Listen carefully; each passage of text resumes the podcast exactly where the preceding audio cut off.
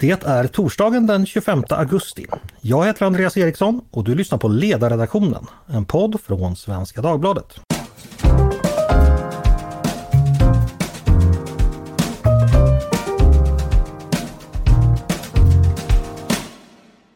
Varmt välkomna!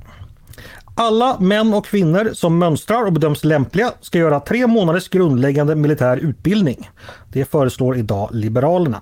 En militär grundutbildning för alla är nödvändigt för att försvara Sverige, heter det. Partiets försvarspolitiska talesperson Allan Widman motiverar förslaget ytterligare med att, och nu citerar jag honom, kriget i Ukraina visar behovet av ett uthålligt folkligt försvar. Fördelen med förslaget är att det bidrar till att avhålla en möjlig angripare från attacker. Slutcitat. Eh, hur klokt eller oklokt är nu detta? Eh, det ska vi prata om idag med två kloka gäster eh, som kanske inte är helt överens. Nämligen just Allan Widman, försvarspolitisk talesperson för Liberalerna. Välkommen! Tack! Och så Patrik Oksanen, eh, journalist och försvarsdebattör, fristående medarbetare på ledarsidan som ofta varit vår främsta försvarspolitiska spanare där ute. Välkommen du också Patrik! Tack så mycket! Först ska jag ge er, ni som, er, som lyssnar en liten bakgrund. Många av er har kanske gjort värnplikt och känner till eh, mycket hur det fungerar. Men jag ska bara berätta hur det ser ut bakåt. Någon form av värnplikt har funnits i flera hundra år i Sverige. Eh, man skrev ut bönder och så vidare. Allmän blev den 1901, vilket betyder just eh, allmän som i alla män. Och under många år utbildades verkligen en väldigt hög andel av alla pojkar när de fyllt 18 år. Eh, detta började luckras upp lite vid slutet av kalla kriget på 1990-talet. Och 2010 förklarades den allmänna värnplikten vilande för att sedan återuppväckas 2017. I det senaste försvarsbeslutet är det då tänkt att vi i framtiden ska utbilda ungefär eh, 8000 värnpliktiga per år. Men flera partier har andra åsikter om detta. Däribland just eh, Liberalerna. Eh, Allan, i citatet ovan så fick du motivera för det här förslaget lite. Kan du utveckla? Varför ska vi utbilda så många värnpliktiga i Sverige? Jag tror att om en eh, angripare inser att han inte bara kommer att möta en begränsad försvarsmakt utan hela folkets motstånd så kommer det att eh, verksamt avhålla honom från angrepp. Vi har ju sagt under några decennier nu att eh, krigen i vår tid är korta, intensiva och väldigt överraskande. Eh, kriget i Ukraina visar ju på motsatsen och nu har ju till och med Ryssland nått en punkt där det så kallade soldatförrådet är uttömt. Så att nu får Vladimir Putin antingen beordra allmän mobilisering och kalla in sina värnpliktiga, vilket han absolut inte vill. Eller så får man slåss med det man har. Det har helt enkelt tagit slut. Och tre månader gör ju ingen fullfjädrad soldat, eh, skapar inga militära förband. Men det ger oss en möjlighet att se vilka som är väl lämpade för tjänsten och därmed en längre värnpliktsutbildning. Eh, det ger oss också möjligheten att om Gud förbjude kriget skulle komma även till Sverige, så kan vi komplettera den grundläggande utbildning som unga män och kvinnor har fått. Sen finns det en massa bieffekter som är positiva i det här. Det handlar om försvarsvilja, om samhällsanda, om folkhälsa, eh, integration med mera. Mm. Eh, bara en fråga där du vill ha lite förtydligande. Det är alltså erfarenheterna från Ukraina som har bidragit till att eh, ni har tänkt om. Det har helt enkelt varit en eh, ögonöppnare, kan man säga så? Ja, vi har väl i mitt parti under ganska lång tid förfäktat behovet utav en större armé. Eh, vi har ju en unikt liten armé i förhållande till våra övriga stridskrafter. Vi har, hur man än räknar, dubbelt så många stridsflygplan som vi har haubitsar, det vill säga kanoner, fältkanoner. Eh, och ska det kunna förverkligas och vi ska få en anständig storlek på våra markstridskrafter, då krävs det en väsentligt breddad rekrytering. Mm. Och, eh, så det här kan man säga har växt fram under lång tid men Ukraina bekräftar ju det här behovet. Mm. Jag vill minnas att senast du var med på podden talade du just om eh, arméns eh, anorektiska figur för tillfället. Eh, vi släpper in Patrik. Eh, vad tänker du om det här förslaget där du hörde så här övergripande? Nej, alltså när jag först hörde det så tänkte jag att eh, Allan här var, var ju genialisk i att försöka få in försvarsdebatten överhuvudtaget i, i valrörelsen Eh, och att det var en, en ingång för att egentligen prata om det vi behöver göra här och nu och lösa saker och ting. Så att eh, därvid får jag gratulera Allan till ett utspel som har gett rubriker och gett den här poddplatsen att prata vidare om det. Eh, men sen är det inte riktigt det vi borde diskutera just här och nu. Och det är lite grann känslan jag får när, när Allan beskriver det här så får jag lite grann nypa mig i armen för att inse att jag är inte i Albanien under Enver Hoxas tid.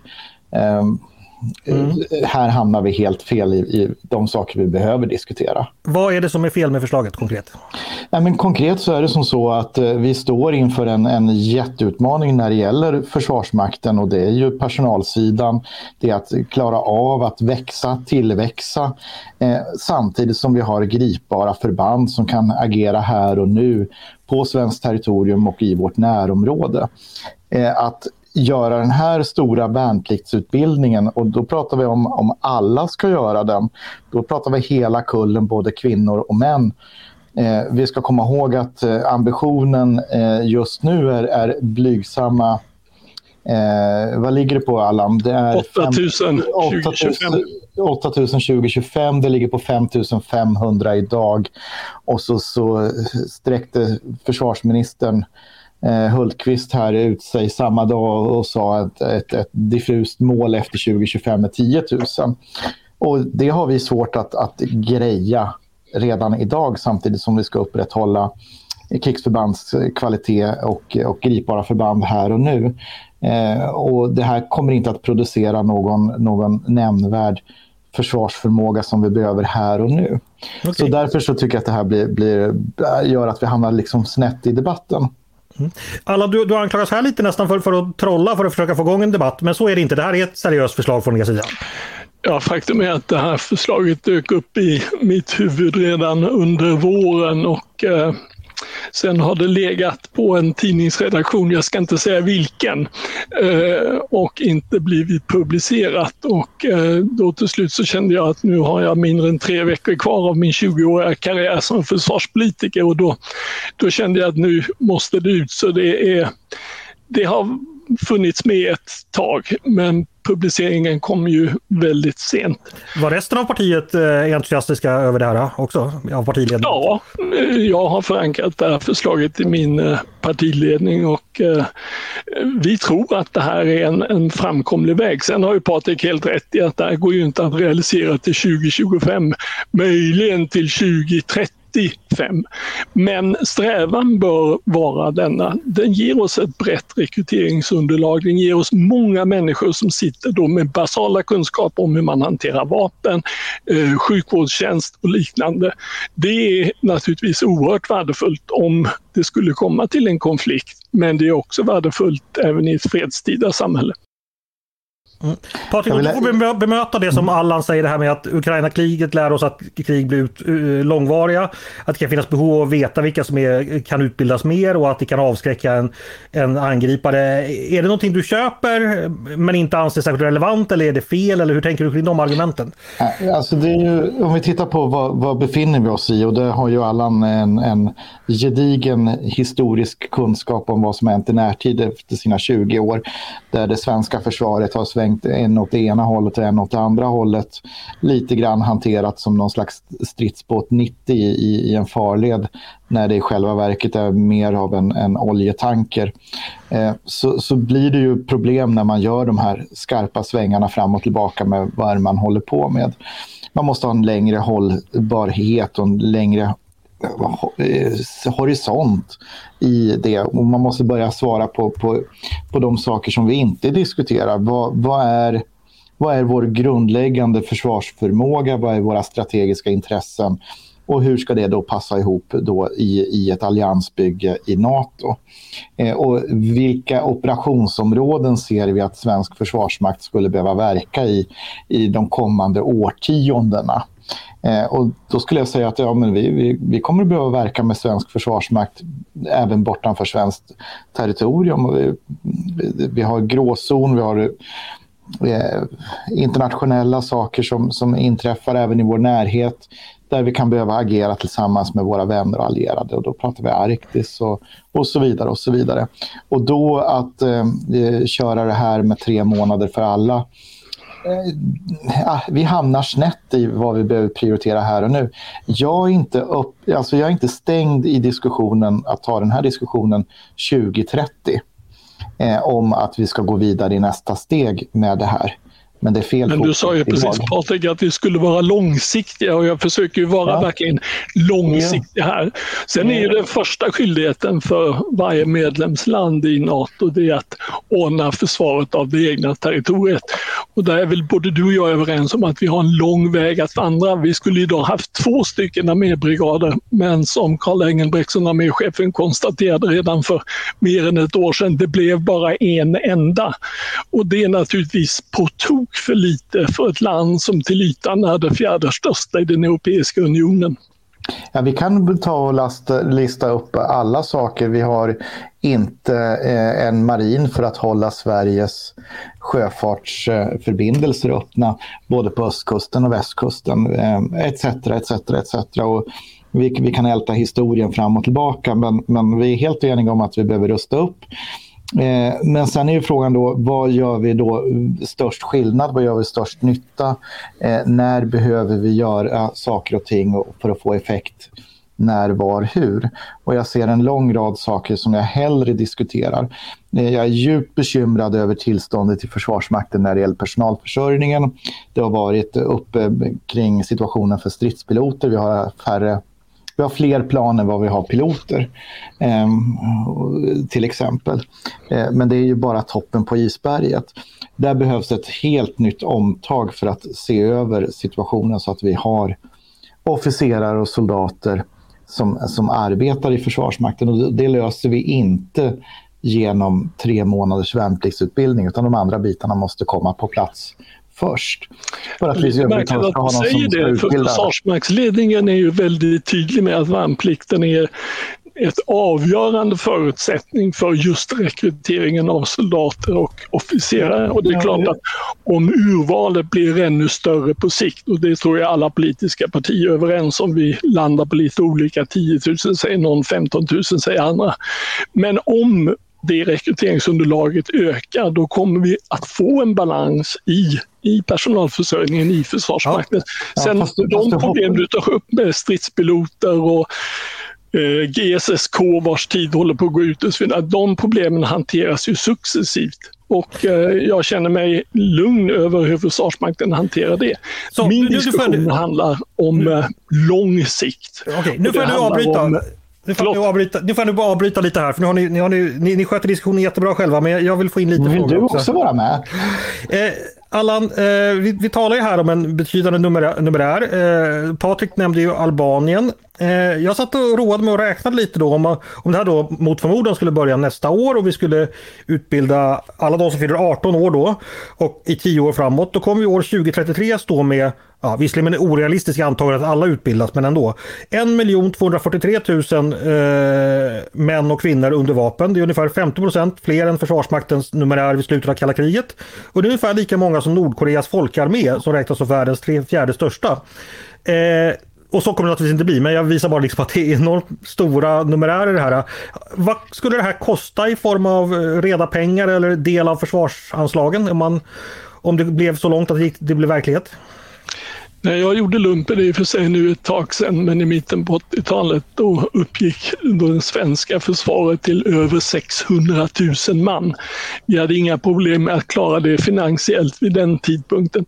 Men jag vill gärna understryka att det är ju inte, ja för det första så hur många som är vapenföra vet vi inte idag. Man testas ju vid mönstring intellektuellt, fysiskt, psykiskt.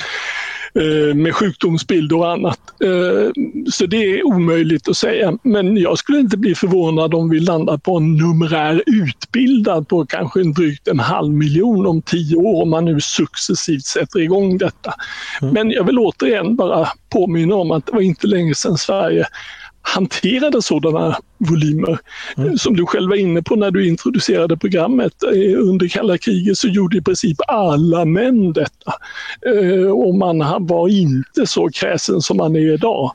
Eh, utan då togs verkligen alla in. Så vi har gjort det förut och vi kan naturligtvis göra det igen. Men okej, Ja, men då får vi hade- jag en hade halv ju- miljon. Nej, vänta Patrik. Jag betalar en halv miljon, då är det ungefär 50 000 per år. Det motsvarar ungefär värnpliktsvolymerna som under större delen av kalla kriget. Mm. Men frågan var, var Allan, vad skulle det här kosta och hur, mycket, hur stor del av de totala försvarsanslagen skulle det här... Jag förstår att du inte har räknat exakt, men har du något, eh, något, något hum om ungefär hur mycket det är värt att lägga på det här? Ja, om vi skulle säga att vi utbildade 50 000 om året så skulle det ju motsvara 12 000, kostnaden för 12 500 årslånga grundutbildningar. Man ska ju komma ihåg att tre månader är bara en fjärdedel av ett år så det är klart att i den meningen så blir det inte så kostsamt som man i förstone föreställer sig.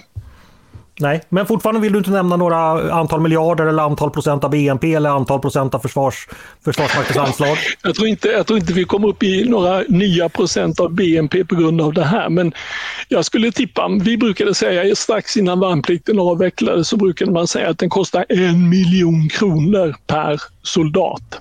Eh, Nu är det 90-talssiffror. Eh, Men låt oss då säga att var och en av de här kostar en kvarts miljon att, att utbilda. Det är ju en gröntjänst man gör då inledningsvis.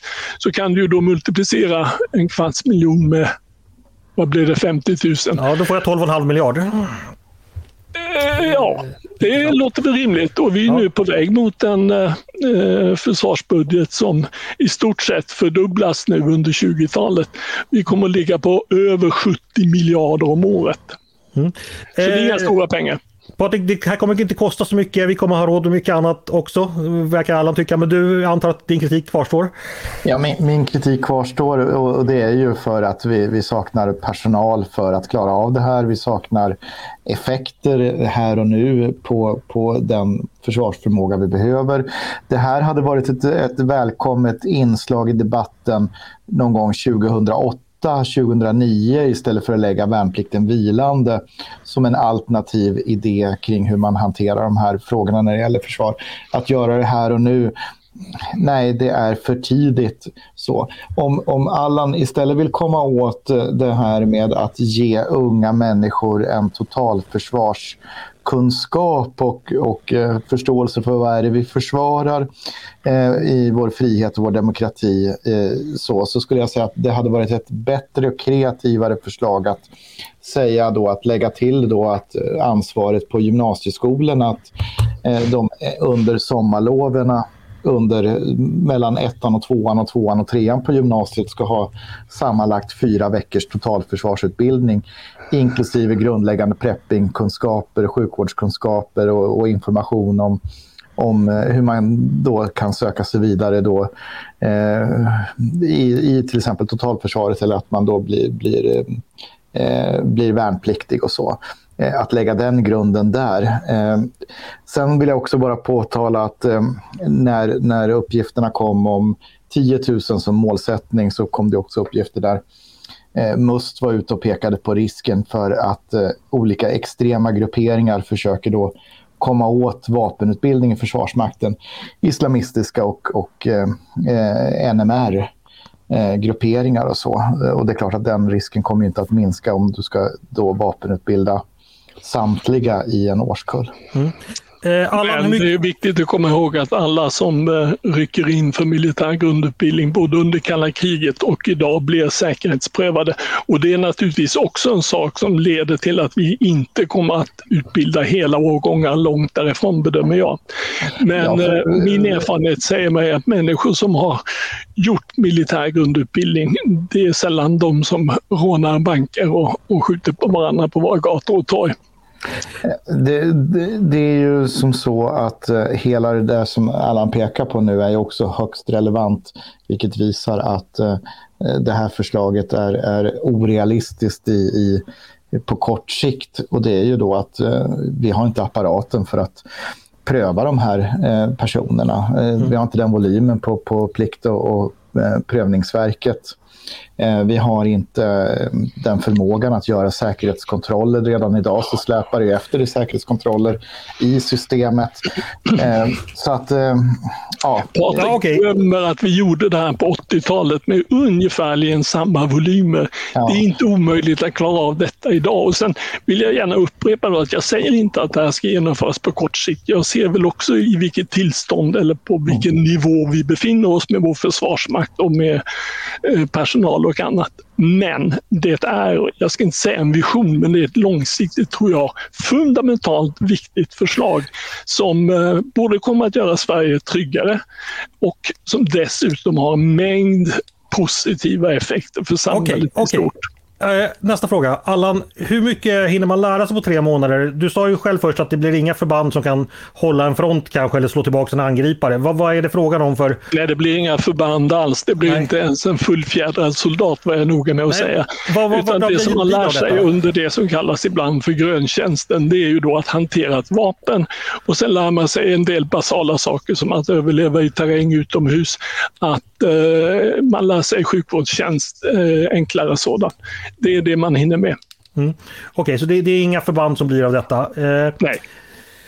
Okej, okay, du nämnde också att det här fanns andra positiva eh, faktorer med det här och det brukar ofta talas om att värnplikten skapar sammanhållning i samhället, att det, det, är fostrande för ungdomen och att det är ett viktigt skede av livet. Är det ett viktigt argument också? Ja, det verkar ju vara eftersom du nämnde det Allan. Kan du, kan du utveckla lite kring det, de här externaliteterna som är positiva?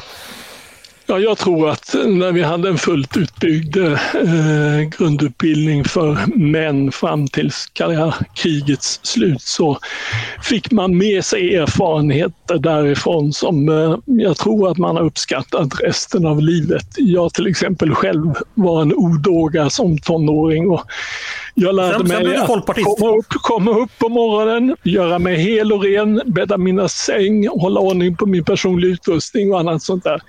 Eh, och det, jag är oerhört tacksam för att jag fick den möjligheten. Jag fick också träffa människor som jag aldrig annars skulle ha träffat eller arbetat tillsammans med. Så att min bedömning är att ja, det ger en bra samhällsanda, det ger en större försvarsvilja, det skapar förutsättningar för integration, någonting som vårt samhälle verkligen behöver. Och det påverkar också de uppväxande generationernas hälsa på ett positivt sätt. Här avslöjar vi saker. Alltså Allan Widman, denna trygga socialliberal, var alltså en odåga i ungdomen tills Försvarsmakten satte sina tänder i honom. Patrik, är det här någonting som... Jag brukar aldrig kalla mig för socialliberal. Jag är, brukar kalla mig för liberal, men tack. Förlåt Allan, eh, jag syftade på ditt parti. Men eh, Patrik, är det här någonting att väga in, tycker du, de här övriga positiva effekterna eller är det någonting som andra myndigheter än Försvarsmakten egentligen borde ta hand om? Nej, det är andra myndigheter än Försvarsmakten som, som får ta hand om det. Och då, då går vi tillbaka till vad är alternativet då? Ja, men lägg de där eh, fyra veckorna i, under gymnasiet eh, på, på den, så att säga, eh, kan vi kalla det för medborgarutbildning som, som, som eh, Allan efterfrågar.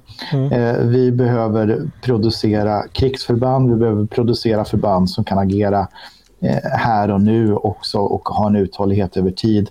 Eh, den uthålligheten har vi inte och den får vi inte genom tre månaders soldater eh, där vi lägger liksom resurserna på, på fel ställe. Eh, ja, elda för kråkor. Allan, det här förslaget motsvarar det, upplever du, en efterfrågan från Försvarsmaktens sida? Nej, det gör det inte. Eh, jag tror att Patrik följer noga debatten just nu på sociala medier och vad olika officerare skriver. Och det, Försvarsmakten har blivit en elitistisk myndighet eh, och det började väl egentligen innan värnplikten gjordes vilande. Nu är det bara den senaste teknologin och heltidsanställda experter som gäller. Jag ogärna som jag citerar Josef Stalin, men han sa vid ett tillfälle att någonstans blir också kvantitet kvalitet och det tycks vi ha glömt i det här landet. Ja, det har vi glömt i det här landet, men å andra sidan så får du ju inte den förmåga som vi, vi behöver ha här och nu. Till exempel den förstärkningen av Gotland i januari, den hade ju inte varit möjlig med en, en så att säga traditionell värnpliktsarmé. Det jag försöker säga är att vi behöver ha både och. Vi behöver ha stående professionella förband och vi behöver ha värnplikt. Men, men eh, det här måste ha en balans och vi måste kunna tillväxa på ett vettigt sätt.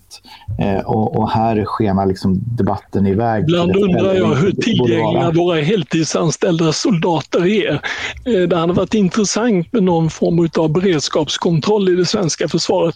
Ja, Min bild är att det gamla värnpliktsförsvaret vi hade eh, hade insatstider som inte låg långt efter vad som gäller för heltidsanställda. Vi får se ifall ÖB, tänker, vi får se ifall ÖB kommer beordra ge vakt den närmaste tiden. Eh, en ja. Det är ju någonting annat än en beredskapskontroll. Ja, okay. Det pågår en beredskapskontroll. Ja, ge vakt, då är det ju allvar. Ja, ja. Eh, i Operation Garbo användes det som beredskapskontroll och det är allting jag vet om det. Hörni, en fråga bara. Eh, du nu nämnde att officerskåren och att det finns en viss, eh, ja vad var det, elitism? Elitism. Ja, för, för jag ser precis som det du har sett att på sociala medier så är det många som klagar och man skämtar rått om att nu ska vi ha bygderegementen i varenda liten stad och sådär. Det är väl ändå våra officerare som får anstå stå för någon form av sakkunskap här alla, men du eh, tycker att du vet bättre än de professionella här. Det heter ju att krig är alltför allvarligt för att överlämnas till generaler. Jag gör inte gällande att jag har bättre insikter, men jag tror att myndigheten Försvarsmakten idag så att säga, har färgats av sin senare historia, det vill säga de senaste 15-20 åren. De som minns hur det såg ut när vi kunde kommendera ut över 20 armébrigader, de finns inte längre kvar i myndigheten. Och någonstans så hoppas jag nu att man nogsamt följer det som händer i Ukraina. Nu är det inte något kort krig. Vi är inne på ja, den sjunde månaden månaden as we speak. Vi är inne på det åttonde året när det gäller både personal och materiel är enorm. Det är ett utnötningskrig. Jag hörde överstelöjtnant Paasikivi igår säga att han blir inte förvånad om det fortsätter åtta år till. Ja, då går det inte att köra med heltidsanställda soldater och tro att det ska fungera. De förråden av soldater töms. Avslutningsvis vill jag bara fråga, nu, nu har vi stött och blött det här förslaget, det ligger ju ändå långt eh, fram i framtiden har båda medgett. Om vi tänker oss den krigsorganisation som vi håller på att förbereda nu till 2025 och det som ska beslutas därefter. Vad tror vi om värnpliktigas roll i den krigsorganisationen? För det, det är ju ändå någonting som diskuteras här och nu. Ni nämnde Socialdemokraternas förslag på 10 000. Börjar med dig Patrik, vad, vad är realistiskt att tro att värnplikten kan, kan erbjuda i form av eh, försvarsförmåga när det gäller liksom, ja, det vi har framför oss nu? Alltså, det var helt rätt beslut att återuppta värnplikten. Eh, det var fel att lägga den vilande.